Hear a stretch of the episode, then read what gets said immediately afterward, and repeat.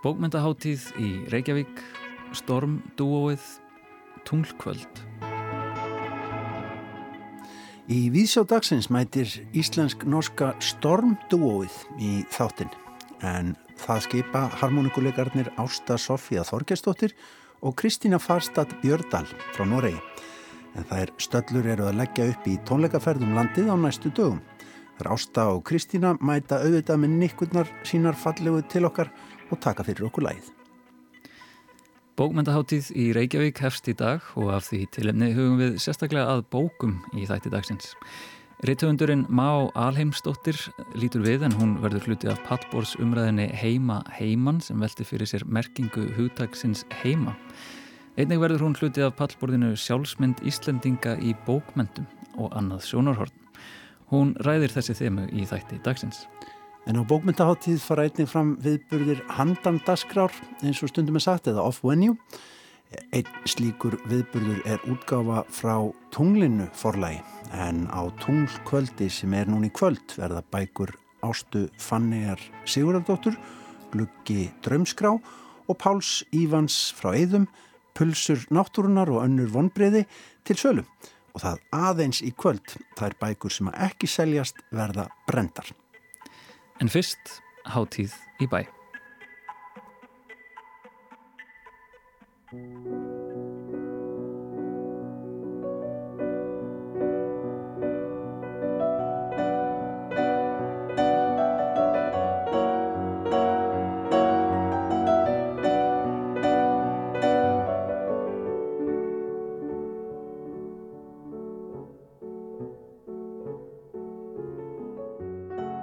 Bókmyndaháttíð í Reykjavík er gengin í garð og við tilenna því ætlum við hér í Víðsjá og öðrum þáttum stöðvarinnar að sökka okkur í bókmyndir næstu daga.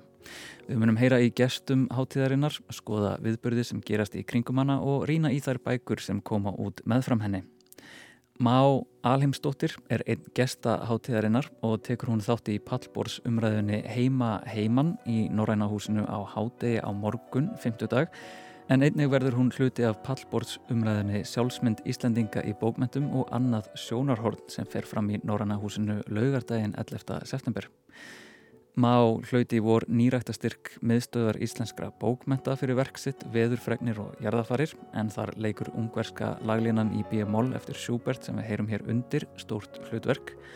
Má hefur einnig fengist við ljóða og rítgerðaskrif og byrstist essayen hennar Mín litla Mongólia í tímariti máls og menningar fyrr á árinu.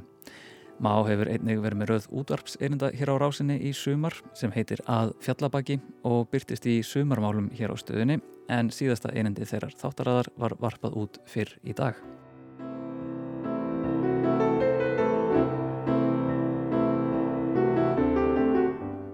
Velkomin í Víðsjó. Má. Takk fyrir þetta. Mér langar að byrja á því að segja til hamingi með nýrættastyrkin í vor. En ég aðframt langaði mig að eh, forvittnast aðeins um verkið sem hlaut styrkin, eh, veður, fregnir og jarðafarir. Eh, þessi titill er, já, í samræði við þessa útvarstöð hér. Er rásætt í aðalluturki í þessu, þessu verki? Ég myndi ekki segja það. Það er ekki aðalluturverki en æfindirinn mitt með íslensku byrjaði með rásætt fyrir lengur lengur síðan. Þannig ég verði undir áhrifum útfarpsins í mörg ár og ég hef alltaf verið aðdáandi morgunleikfimi og veðurfregni og ég held þess vegna líka hm, var ég undir áhrifum uh, þar ég var að skra skálsuguna mína. Og aðalbersna er veðurfræðingur þaðan kemur titillin mm. Og uh, já, þessi skaldsa uh, sem er væntanleg uh, um hvað, hver er sögur þar? Veðurfregnir og jarðarfarir er um Lenu sem er að veðurfræðingur en það er líka saga ég myndi segja kynsluðasaga það er um mömmu hennar og ömmu Ég held að aðaldráðurinn í sögunu séu breytingar bæði á himninum og í lífi einstaklings.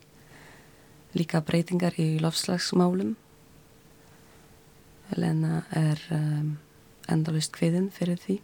Alltaf að bæla í þessu og alltaf bæla í sínu einu hræsni að gera stóran bíl fram og tilbaka. Og, og nota öll dændi sem við erum vönn í, vestrænum heimi og þessi sagar líka um ást og dauða eins og held ég allar sögur. Móður ást og líka ást milli tvekja aðila. Það er, er stort svið. Og uh, já, þú talar sanna um, um veður og, og svona hræringar kannski, innri hræringar. Uh, það er tengjast náttúrulega sterkum böndum. Uh, það er oft sagt um Íslandinga að þeir noti veðrið til að tjá innri líðan. Ertu búin að vera að rannsaka veðurfræði mikið með þessar bók? Já, ég get sagt það ég hef eitt miklum tíma í, í veðurfræði í rannsóknir eh, tengdum eh, tengdum veðurfræðinni. Og það var mjög gaman að stúðera skín og alls konar breytingar sem fara fram í lofti.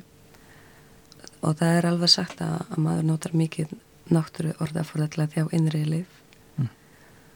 og Lena gerir það mikið Og uh, ertu búin að finna bókinni farveg hjá útgífanda um, eða ertu í, í byðinni löngu eins og svo margir höfundar? Bæði og Bæði og, ok. Já, ég held að sé færtli en mitt núna ef ég smá tíma, þannig að ég ætla að setjast niður og einlega endur skrifa hana mm. að því þetta var svona fyrstu drátturinn myndi ég segja, ég skrifaði hana sem MA verkefni í rittlist og þá já, maður durfti að klára fyrir ákveðni, ákveðni dagsetninga og núna hef ég tíma til að horfa með smá fjarlægt á hana mm. og það er öruglega eitthvað sem ég myndi breyta og, og eitthvað sem ég myndi breyta við En nú ertu höfundur uh, bókmyndaháttiðir í Reykjavík og kemur fram á Pallbórs umræðum í Norræna húsinu á morgun 5. daginn 9. september en einni á öðrum panel í sama húsi á lögadaginn Á morgun er það Pallbór sem hefur það skemmtilega heiti Heima Heiman en þar verður þú í spjalli á Sant Khalid Khalifa og stjórnindi verður eh, Gauti Krismansson, bókmyndagagrínandi viðsjár og með grunar að umræðan muni snerta á grein sem þú byrtir í tímariti máls og menningar fyrra á árinu sem heitir Mín litla Mongólia en þar er heimilið vissulega í fyrirrúmi. Ertu til að segja mér aðeins frá efni þeirra rittgerar? Í rittgerðinu minni skoða ég hvað er heima og frá mismunandi sjónarhortnum Mm, frá mínum einn upplifunum og líka uh, vinum mínum og fólki sem ég hafði kynst á lífsleiðinni. Mér finnst mjög áhagverð að skoða líka svona klísjur sem tengjast uh, á hvernum hópum og þjóðum og ég er sagt uh, að ég tilheyri alveg þessum klísjum öðru hverju og ég skamast mikið fyrir því. Já, mér fannst það mitt um í þessu tilteknu reykjara þá talar um svona, já það er svona hýrðingjastemming í henni og uh, kannski svona þetta flökku sjálf uh, sem þú ert að svona flakka í kringum og tekur stórar áhættur þannig í þessari sögu sem þú reykur en uh, mér finnst það svolítið skemmtilegt hvernig París kemur inn í eða dvöldin í París kemur inn í þessari reykjara þú ferð tvísvar til Parísar en upplifir eiginlega tvö mismunandi líf. Þetta til að segja mér aðeins frá Parísarferðanum þínum það er ekki Já, eh, ég hef með farið í París tveisvar og svo farið líka í heimsók þángað og var það mjög auðruvissi upplifin minn. Og það var líka á þetta hvernig mér leið. Það er þannig sem endur speklar heiminn finnst mér. Það er hvernig líður okkur hvernig líður okkur á þann hátt sjáum við heiminn. Þannig ef við erum sátt við okkur sjálf þá það sem við sjáum lítur miklu betur út. Akkurat. og ég held á mínum tíma það er eitt valdi í Paris var ég mjög ósátt við sjálfa mig og lífið mitt og allt var hræðilegt og umjölegt en það er ég ferðangað í heimsók nokkrum árum setna og búin að ljúka ákveðnum ferðlum í lífinu mínu og ná árangri myndi segja í þess sem var að gera var þá bara öll önnur upplifin var allt einu Paris bara mjög skemmtilega borg. Mm. og uh, í greininu finnur þú líka heimili á Íslandi og þú talar um þessa tilfinningu að vera heima uh, í gegnum gangandi og, og finnur hana að einhverju leiti hér. Um, getur þú kannski, kannski komið einhverjum orðum að því hvaða er við Ísland sem framkallar þá tilfinningu hjá þér? Það er mjög einfalt, öræfi Hálendi Íslands Mm -hmm. Ég fann fyrir heimili hér vegna náttúru og stór taktur fælst líka í tungumálinu. Mér leitt loksins eins og ég gæti tjáðu mig. Mm. Kanski, kannski vegna þess að orðaforði sem tengist náttúru, hann er svo breyður, hann er svo viður, maður getur bara sagt allt sem hann langar að segja og það um ennmið, maður getur tjáð tilfinningar sinna með því að tala um náttúru og veður far. Mm. Akkurat og einmitt, Ritgerinn endar samt í uh, borgarfyrði og eftir stuttstopp í Marokko og uh, hefur verið á miklu flakki síðan að greinin kom út? Nei, ég hef ekki ferðast mikið síðan greinin kom út að því ég var einbætt á náminu og alls konar verkefnum sem tengjast á beinan og beinan hátt náminu, rittlistinni. En ég fer regla upp á fjall og ég var að koma bóstaflega fram til byggða núna á sunnudagin ég, uh, ég vinn sem leitsumadur á sumrin, fjallaleitsumadur þannig já, ég lappa fram og tilbaka. Og fæ innblástur Einmitt. En uh, nú ertu líka ljóðskald og ef við tengjum það við bókmyndahátti í Reykjavík að þá langaðum við að spyrja er heimilið eða þessi tilfinning að vera heima uh, kemur það inn í mörg ljóð sem þú skrifar? Já, ég held að koma í flest ljóð sem ég skrifa því þeir eru öll um náttúru og þá náttúru Íslands mm. og allt sem ég þarf að þjá þjá ég í gegnum, hann, í gegnum mm. hana Og uh, ertu að vinna í ljóðabók með fram þessari stóru skaldsuðu? Já, ég verið að vinna í ljóðabók og uh, vonandi getið deilt henni með almenningi næstu ári. En já, ekki nómið það að þú hafið hlustað hér lengi á morgun leikvimi og dánarfregnir og, og viðfrettir og þá ertu já, að gefa út útarsefni á þessari rás og hefur verið að gera það í sumar uh, þáttaröðin að fjallabæki. Segum við það svo henni? Já, mér líður eins og ég náði hringnum. Því ég byrjaði að læra íslensku vegna þess að ég hreist af hljóði íslenskunar árásægt og svo nú er ég með minn einn takt árásægt og ég gæti ekki verið meira ánægt.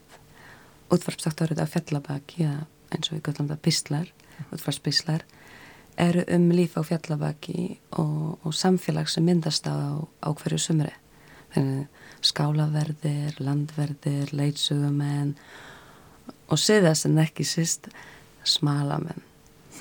að því ég fór með rangvöldlingum í fyrra upp á fjallabaksiður að smala. Og þeir hafa byrst í um, sumarþættunum uh, sumarmál og núna í þá mannlega þættunum. Það er hægt að finna þá á uh, vefsíðu RÚF fyrir áhuga sama og mæli ég eindriði með. En uh, meira verður það ekki að sinni. Uh, Má Alheimstóttir gangi er ótrúlega vel á bóngdaháttíð í Reykjavík og takk hérlega fyrir að spella við, við sjá. Takk sem ég leiðis.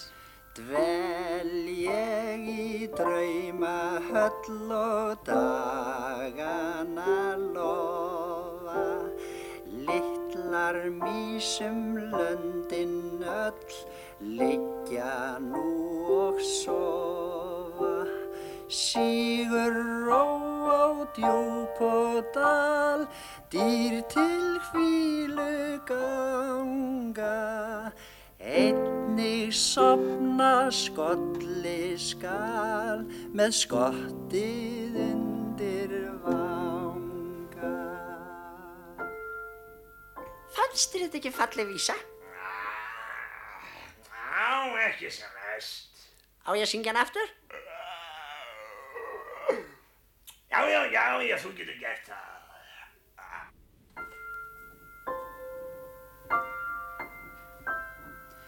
dvel ég í drauma höll og dagana lofa Littlar mísum löndin öll liggja nú og sofa. Sígur ró á djúb og dal dýr til hvílu ganga. Einnig sopna skolli skal með skottið undir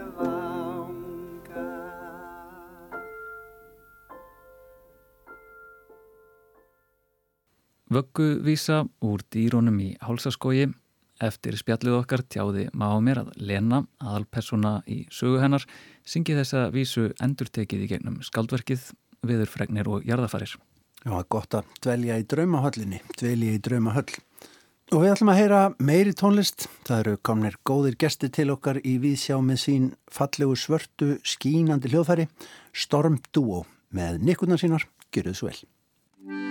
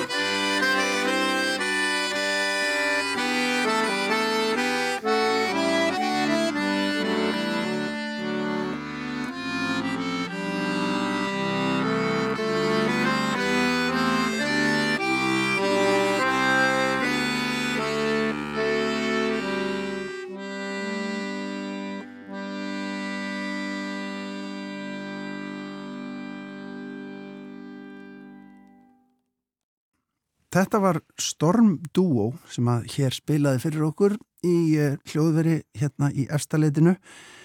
Gaman að fá góða gesti sem að koma reyndar beint frá Noregi veit ég. Ásta Sofía Þorgjastóttir, hún er frá Húsavík og svo Kristína Farstad Björdal frá Noregi, frá vestu Noregi. Eh, það er mynda Storm Duo. Velkomnar báða tvær. Takk kærlega fyrir. Ásta Sofía, hvað var þetta svona ægilega fallet sem inn í byrjun? Þetta var uh, annar kaplinn í Holbergsvítu eftir Edvard Grieg. Já, mér fannst ég kannast við tónin. Já, hann hérna sandi þessa svítu þegar uh, uh, rítuundurinn Holberg uh, áttu 200 ára ammæli og, uh, og þetta er samið í svona þessuna barokk stíl út frá kaplaheitunum og mikið með hvernig rattinar eru setta saman en á sama tíma heyrir maður svo mikið grík þannig gegn og norska hljóminn sem ég veist svo fallegt. Segð mér aðeins á því, hvernig hérna verður þetta samstarf ykkar til Storm Duo? Uh, ég lærði í Noregi, í Oslo uh, og við hittumst þar í gennum samveilan vinn okkar í tónlistarháskólanum og spilum á prótónleikum þessa vinar okkar sem heitir Marius og eftir það bara var algjör svona smullu við saman samspilslega séð og tólkunarlega séð og höfum ekki hægt að spila síðan. Hvað er það við harmonikunum sem hefur heilað þig og uh, byrjar snemma að spila harmonikunum? Já, ég byrjaði að spila þegar ég var 8 ára og ég byrjaði líka á trompet á sama tíma en harmonikan heitlaði mig miklu meira út frá að mér langaði bara alltaf að æfa það var svo gaman í tímum og ég bara nöyt þess að mikið að spila á meðan trompet er hljóðfæri sem ég hlusta mjög mikið á en það til dæmis tengdist ég ekki að spila á en það var eitthvað við harmonikuna sem bara mér fannst vera svo mikið eða svona eitthvað við að svona kósi tilfinning og væntum þykja og, og svo fjölbreytt tónlist og margt gaman og... mm. Sér hlýja Já, hlýja nefnitt, já, já. já. En Noregur, sko, ef ég kannski spyr þig, er harmonikan stort instrument i, i Norge? Eh, ikke kanskje veldig stort, men det er jo i mange konstellasjoner som man eh, med mange andre instrument og sånn. Men eh, det er jo veldig mange i Norge som savner Frosini og Deiro, som det heter, da. Og mm. liksom, ja. Hjelp meg med þýttu Stitt ut fyrir mig. Sko harmonikan er av sumanhátt stor, og sumanhatt er ikke stor i Norge. Det er sånn at mikil hefð fyrir harmonikkene, og sérstaklega þessu sem margi tengja við harmonikuna sem er danstónlistin og svo þessi vinsældar uh, hluti harmonikunar á 20. stöld með harmonikuslögurunum mm. sem voru eftir frá síni og, og deyru og svona mm -hmm. þannig að en það er margt, margt gert í, í harmonikustarfi í Nóri og, og, og Nóriður hefur verið mikil með harmoniku þjóð og það er eitt sem mér finnst svo gaman og hefur verið samheilat á milli Íslands og Nóriðs er svona þessi væntum þykja harmonikunar í bara sem hljóðfæri alþjóðunar hvernig hún kom fram þannig uh, í upphæðu 20. aldar og var þetta gríðarlega vinsæla hljóðfæri sem hljómaði út um allt. Já, einmitt. Og Íslandikum þykja væntum harmonikuna heldur betur. Þú ert, þú ert frá Húsavík, hvernig er harmonikustarfið fyrir norðaustan? Sko það hefur verið gríðarlega mikil stemning þar uh, í harmonikuklubnum og, og voru svo ótrúlega margi góðir dansspilarar sérstaklega í þingiðasíslum og ég fann fyrir þess þegar ég var aðalast upp að maður þegar maður kom í heimsson í harmonikuklubin og spilaði og svo heyrði maður þessa sem voru þá orðnir í eldri kantinu en var svo gaman að heyra það og spila og það var sérstilega hann Ditti Hall sem ég þótti mjög væntum og spilaði af svo miklu tilfinningu og, og öll þessi gömlu góðu danslög og, og íslensku dagulög Sér þykir væntum hljóðfærið þetta er gott en Hefur þú komið áður til Íslands? Eh, ja, jeg har vært her eh, ganske ofte, og det er helt fantastisk å være her. Ok, gott, gott. Þið ætlaði að fara á Dalton Tour núna. Já. Þetta er heila, tónleika ferð Storm Duo. Hvorki meina minna, að hefjast. Já, bara hlaka svo til. Við erum að fara að vera með átta tónleika og eh, já, morgun verðum við í Stikkisholmi og svo geirum við í áttina að Norðausturlandi og stoppum þá líka á Kvamstang á förstu daginn og svo eftir helgi verðum við með tónleika í kringum húsækusvæð á Þórsöfn og húsæk og Akureyri og... og svo endið hér í Reykjavík Já, hvernig verður það? 22. september í Sigurjónsamni klukkan 8 Já. Hvernig er best að vera svona út um upplýsingar um, um hvar þið verðið á ferðinu og hvenar? Uh, ég myndi væla með að fara inn á Facebook síðuna mína Já. bara að finna Ástuð Sofíu Þorkistóttur á Facebook Já. þar eru allar upplýsingarnar Það er best að sjá þetta En þið ætlaði að spila fyrir okkur annar lag hérna, uh, fyrst eru konum í hljóðfærin hvað, vil ekki kynna það en það er norst auðvitað líka Já. Er þið að spila aðalega norst, hvernig er það? Sko við erum búin að setja saman mjög fjölbreytta efnisgrá til að sína margbreytileika harmonikunar og hvað maður getur spilað alls konar tónlist á hana hmm. þannig við erum bæði með svona nokkuð gömlu góðulögin og svo erum við með nokkra harmonikuslægar og svo erum við með aðeins klassisk tónlist, svo erum við aðeins með lög frá barrock og svo erum við með Hérna, einmitt, svona aðeins þjóðlaga horn þar sem verður meira norski þjóðlaga hljómurinn sem er svo, sem er svo fallegur og, og svo verður allavega eitt íslenskt þjóðlaga líka. Já, það verður að vera. en hvað ætlaði að taka fyrir okkur hérna í lókin? Uh, við ætlum að spila Halling uh, sem er norsku þjóðdans en uh, heitir Svenne pröfa eða Sveinsprógraunin. Ok og er eftir uh, Jú Asgeir Lý sem er uh, mikil harmonikuleikari í Noregi. Þannig að þetta er svona meira tónleika halling að því hann skrifa þetta fyrir tvær harmonikur og það er svona próraun okkar begja við skiptumst á í svo kvöldum belkristing sem er líkamlega krefjandi. Og okay. mér finnst það svona endursveikla pínu að hallingdansin er nefnilega mest krefjandi þjóðdansin og það er þetta líka að sína þína hæfni sem dansari Ljómandi gott. Takk kærlega fyrir komuna í Víðsjá Storm Duo og við bendum á tónleika haldikar við um landið. Nú hérna þurfum við að klæða ykkur í hljóðfærinn og svo þurfum við að stilla tækin upp á nýtt. Já, takk mm. kærlega fyrir. Takk. For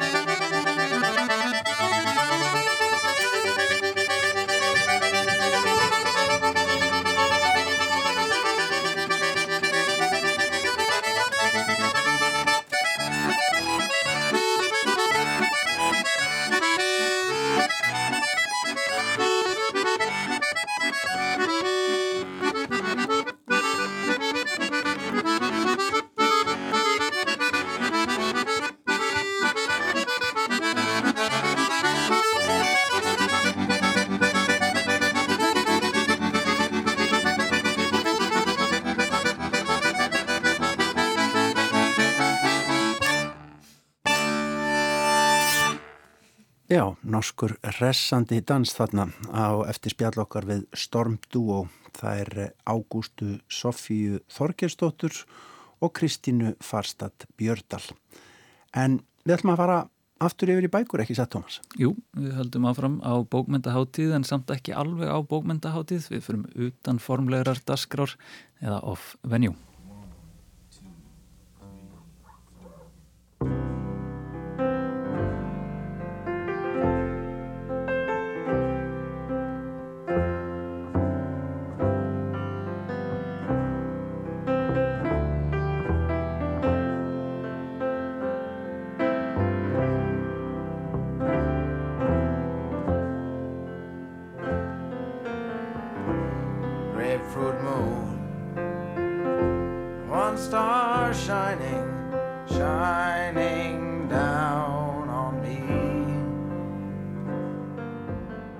Tunglið er málsvari næturunar, lítilmagnans, yfirgefina sala, hins föla skins og tómra hótelherbergja. Tunglið forlag blæs í kvöld miðvíkudaginn 8. september til tunglkvölds á 8. hæð í galtómu hóteli í yfirgefnu grillinu á hótel Sögu. Á tunglkvöldum er lesið upp úr nýjútkomnum bókum forlagsins, tónlist, flutt og gjörningar framtir. Tvær nýjar bækur lítaða dagsins ljós í dag. Það er Gluggi draumskrá eftir ástu Fannegu Sigurdardóttur og bókin Pulsur náttúrunnar og önnur vonbreyði eftir Pál Ívan frá Eidum. En bækurnar verða aðeinskefnar út í 69 eintökum og ef þær seljast ekki upp í kvöld verður afgangi upplagsins fargað að síð tungls forlags. Og til mín í hljóðstofu eru mættir höfundarbókana tveggja. Ásta Fannei Sigurðardóttir og Pál Ívan frá Eidum. Einnilega velkomin í Víðsjá. Takk fyrir. Takk fyrir.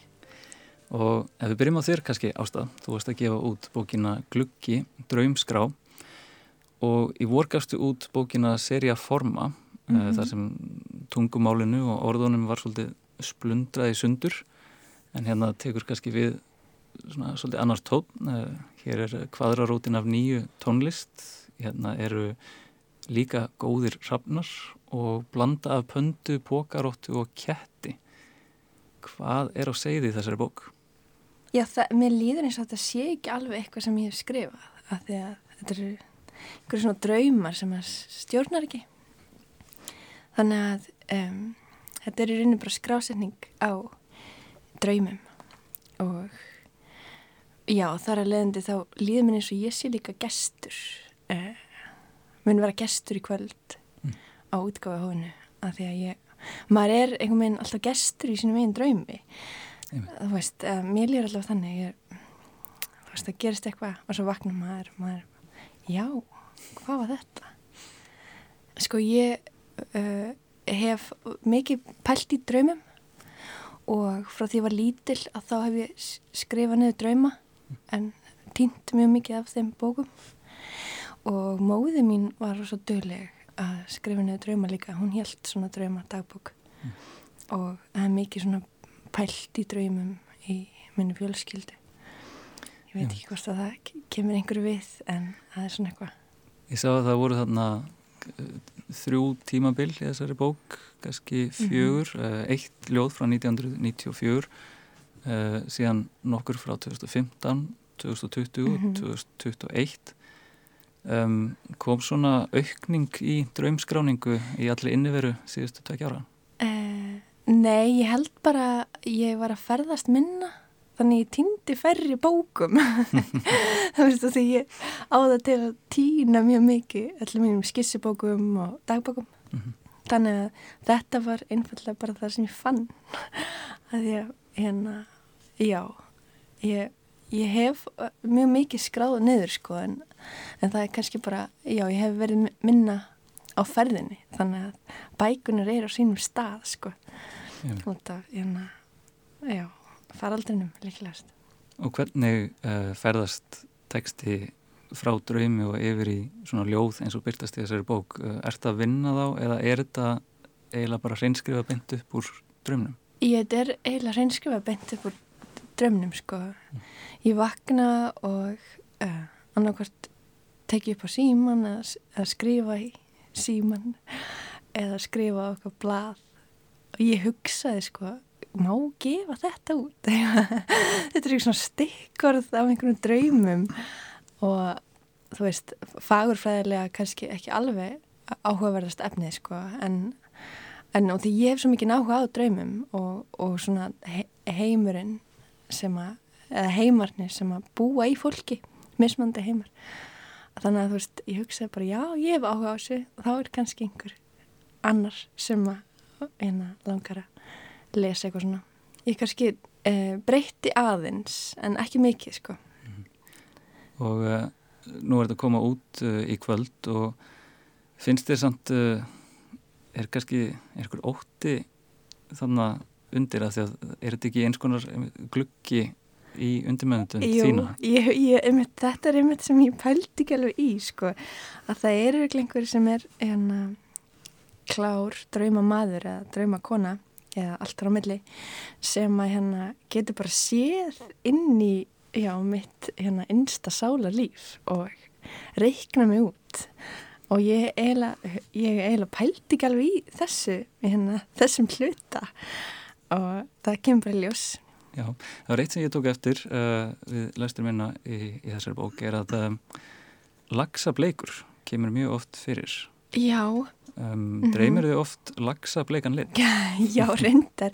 Það sko, mér dreymir mjög mikið í litum mm. og litur eru mjög svona, hérna, stór hluti af drömnum. Þú veist, hvernig, hvernig liturinn er og tilfinningin sem að tengist honum. Mm.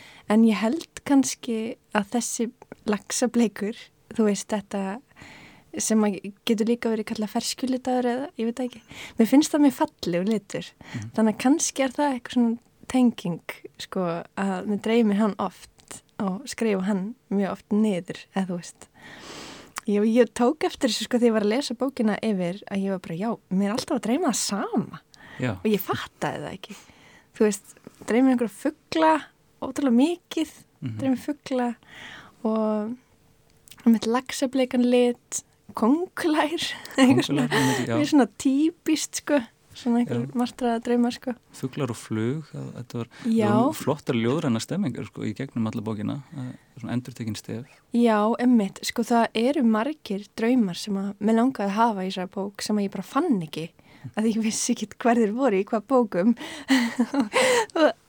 sem eru, þú veist, eiginlega uppáhaldsdraumanum minni sem eru emmitt mjög mikið af fugglum og mjög mikið af flugi sko en þú veist, kannski um, gef ég út aðra uh, draumskrá og þá kannski finn ég einhverja tíndabækur eða eitthvað.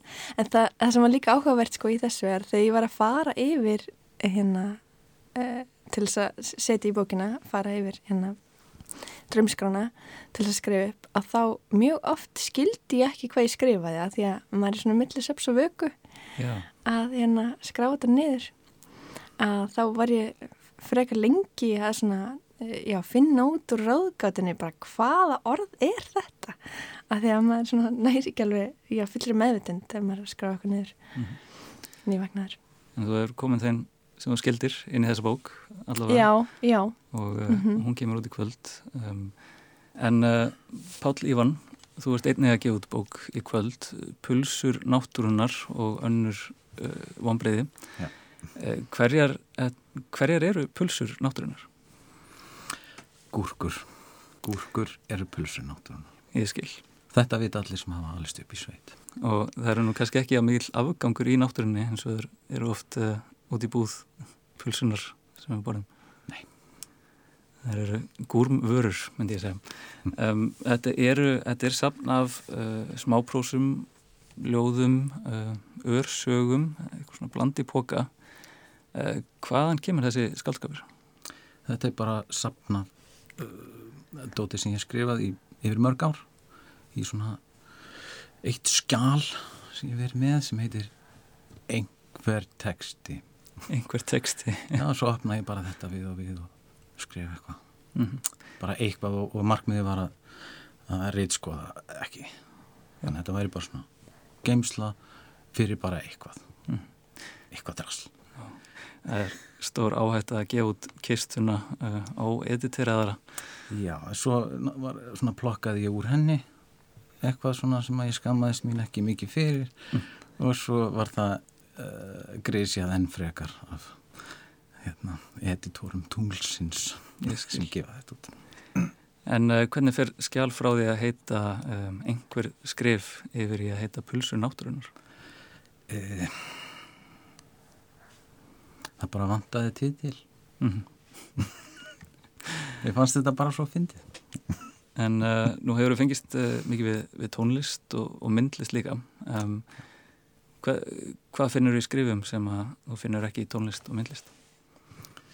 Uh, í skrifum þá er allt hægt. Af því að þá er ég að uh, skrifa beint inn í heilan á fólki. Já, þetta er milliliða löst einhvern veginn. Þú, þú lest og svo springur heilin í þér.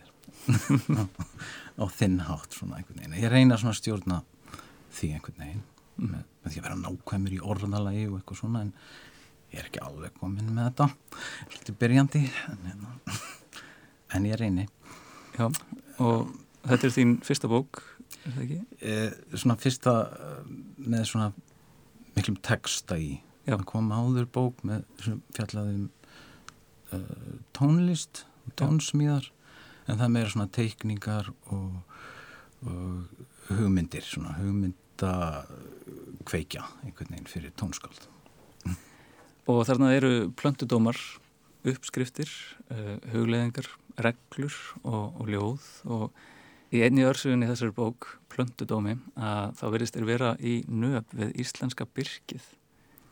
Uh, það særi líklega stolt frekar margra, um, en hvað finnst þér að íslenska byrkinu?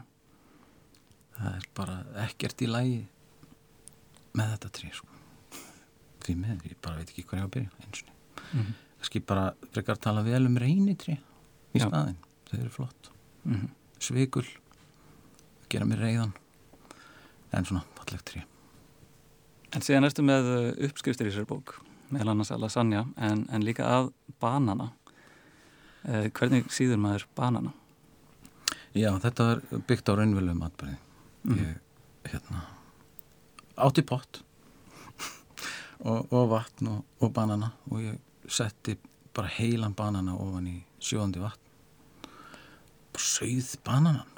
Og hérna ég hafði aldrei séð það gert.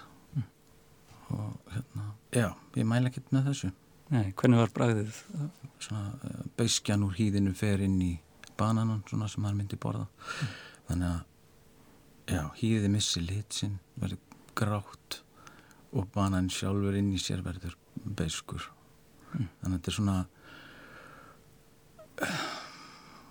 ég mæla ekki með þessu. En, en áferðin, hvernig er áferðin? uh, man ekki. Ég er sko búin að vera að sjá vídeo, kannski er algoritmin eitthvað hérna að tengja mig með þessa bók þína, en ég er sko búin að sjá að það er einhver náttúrulækninga fræðingur sem er að tala um þetta að sjóða banana. Og það sé meinholt og eitthvað hí og þú drekkur sko vatnið. Þú síður banana og svo drekkur vatnið eins og te. Ég hef ekki prófað þetta sko. Og ég man ekki alveg hvað þetta gerir. Og kannski er þetta bara internetið að ljúa að mér. En ég trúði þessu sko, ég hugsaði mig alveg um að, sjóða banana. þá veit ég hvað ég ger í kvöld. Kannski ert þú, ég drakk ekki vatni sko, fattaði það ekki. Nei, prófa það, kannski ertu svona ómeðvitaður náttúruleikninga maður. nei, Nei, nei, bara svona huleng. En við lélugum tengsli við náttúrun mér að fórhundast eins og er, um, nú ertu líka falsfréttamaður já, já, og það eru kostningar uh, að nálgast okkur. Já. Er brjálað að gera í falsfréttunum? Nei, minnst bara hérna stjórnmálið hann var svona minna vægi núna í sambari við bara kynferðisofbeldi Mhm. og þannig að það er svona meira ábyrjandi núna verð ég að segja, Já, ég er að hugsa meira um það já. þessar kostningar eru svona að ég veit ekki, þetta er ekkit rosalega spennandi ég er í fyrsta skipti svona pínu óviss með hvað ég er að kjósa og svona en já, að ég veit ekki En uh, ertu að vinna ykkur öðru um þessar myndir? Já, ég er alltaf að mála og nei, Nei, í róla. mála. Um, Tunglkvöldið fer fram í kvöld með ykkur daginn 8. september á 8. hæð í Galtómi hóteli um, á yfirgefnu grillinu hótelsögum og þetta er eiginlega fullkominn staðsending fyrir báðarbækur. Þetta passar einhvern veginn mjög skemmtilega inn í pulsur náttúrunnar í fáránleika sínum en þetta er líka einhvern veginn þetta drömkjanda landslag uh, Galtóma hótelið sem að passar inn í glugga drömskrá um, eru þið til að gefa mér smá forsmekk af lesturum kvöldsins? heldur betur. Já.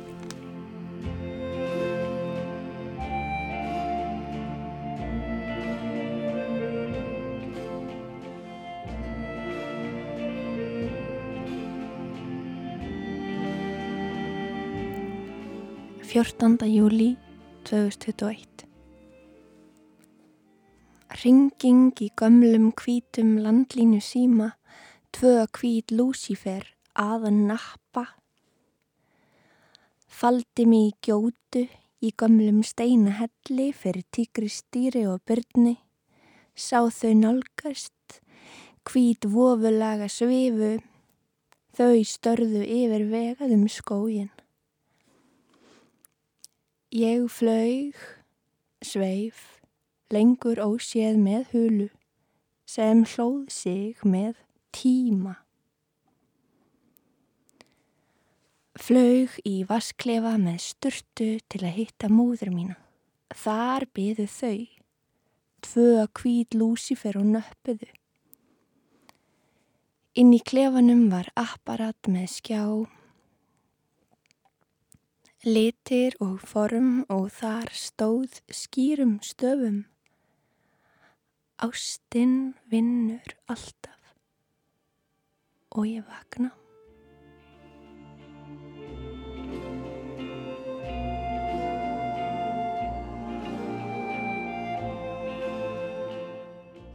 Ljótu litur. Það er svo helviti kallt eitthvað og bíl belað og ljótu litur. Sprengja skítin upp í kúkin og helvíti laus bakkýrin. Spái fyrir um fortíðina og man eftir framtíðinni. Það er svo erfitt að sofa og geðveikur eitthvað en samt alltaf eitthvað vesen. Eitthvað gerist og svo bara eitthvað annað og skoðanir og samskipti og erfitt og bara ok, jáfnvel gaman stundum. Það er svo helvíti kallt eitthvað og bíl ekki einu sinni mitt og ljótu litur en samt þungt á herðunum og rugga í lendunum, jólaball í leikskólanum 14. des ekki glema. Erfitt að sofa og lítill tími en þrátt fyrir það, engin friður og kvassa kviður og ríma og uppeldið skeina, skjóta kúknum í klósetið og skýtnum og voðalega intellektual strútur á þessu öllu saman en hunsa hefðina, ugga um stöðina, umræða mjög mikilvægt og samfélagið og samskipti og framhjáhald bara til að gleima að loftsteinar eigða jörðinni og við bara í geimnum eitthvað og alveg að fara að deyja alltaf. En það er svo helvíti kallt eitthvað og ljótu litur er bilað bilnum og þarf að keipa því liðin sem best.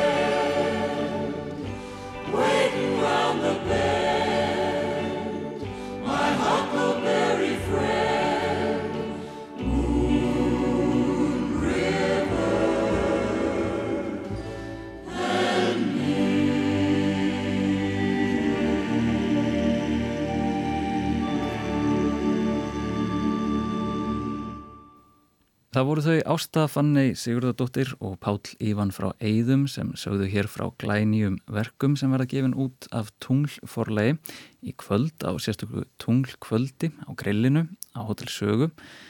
En fréttir herma að í fyrradag hafi Ásta Fanney verið tilnæmt til hérna virtu Bernard Heidsig bókmyndaverluna Pompidou miðstöðarinnar í París. Við sjá Óskar Ástu Fanney hér með innilega til hamingi með tilnæmninguna. Í lók einslags heyrðu við lagið Moon River úr smiðju Henry Mancini og var það þemalægið í kveikmyndinni Breakfast at Tiffany's með Audrey Hepburn í aðalhutverki og ég verða að viðkjöna að ég misti mig eiginlega í að finna tónlist fyrir þetta einslag. Það var hann að fyrsta lagið var Grapefruit Moon með Tom Waits af hans fyrstu plötu Closing Time og uh, það er eitthvað sem tunglið gerir við mann, það, það yðar eitthvað í blóðinu og mann langar að hugsa bara meira um það. Um, tunglið er hins vegar ekki eins og greip á litin þessa stundina, það er svart. Og Gunni, mér skilst að þú sést með lag sem þeir langar að koma að um tunglið. Já, það er aðdraftrafl tungsins, það virkar alveg glettilega mikið á mann og auðvitað á tónskaldi gegnum tíðina og tónlistafólk. Við skulum fara þetta aldrei aftur í tíman og heyra hér lag eftir Frans Schubert sem heitir Der Wanderer Andenmond þar að segja að þarna er það ferðalangurinn sem er að syngja til tungsins þakkaði fyrir að lýsa sér leið í landslæginu. Þarna syngur Bendit Kristjánsson og með honum leikur Alexander Smalts á piano.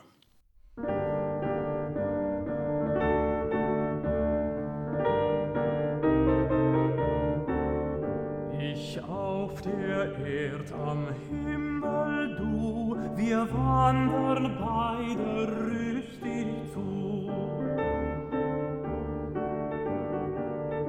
Ich ernst und trüb, du mild und rein, was mag der Unterschied wohl sein? Ich wandre fremd von Land zu Land, so heimatlos, so unbekannt.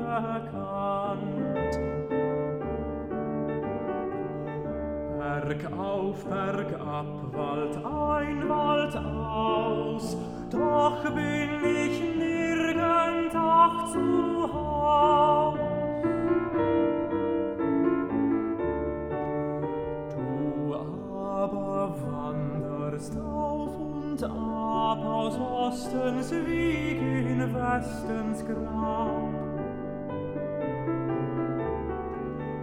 Wallst Länder ein und Länder aus und bist doch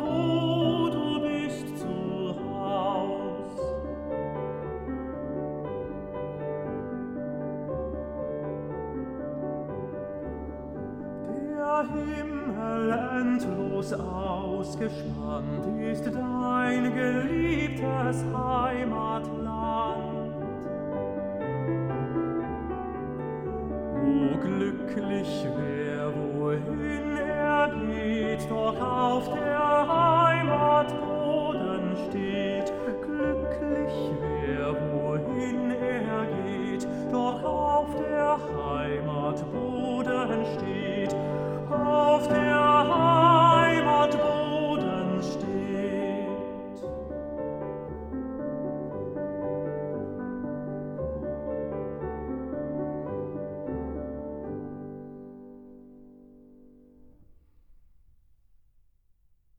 Já, eitt aukalag hérna um tunglið. Bendit Kristjánsson, tenorsöngvari, söng þarna Der Wanderer an den Mond eftir Franz Schubert, tekstinn eftir Jóhann Gabriel Síl, Alexander Smalts leg með á piano. En lengri verður við séu ekki að sinni. Við verðum hér aftur á morgun, laust eftir klukkan fjögur. Takk kærlega fyrir að hlusta. Veriði sæl. Veriði sæl.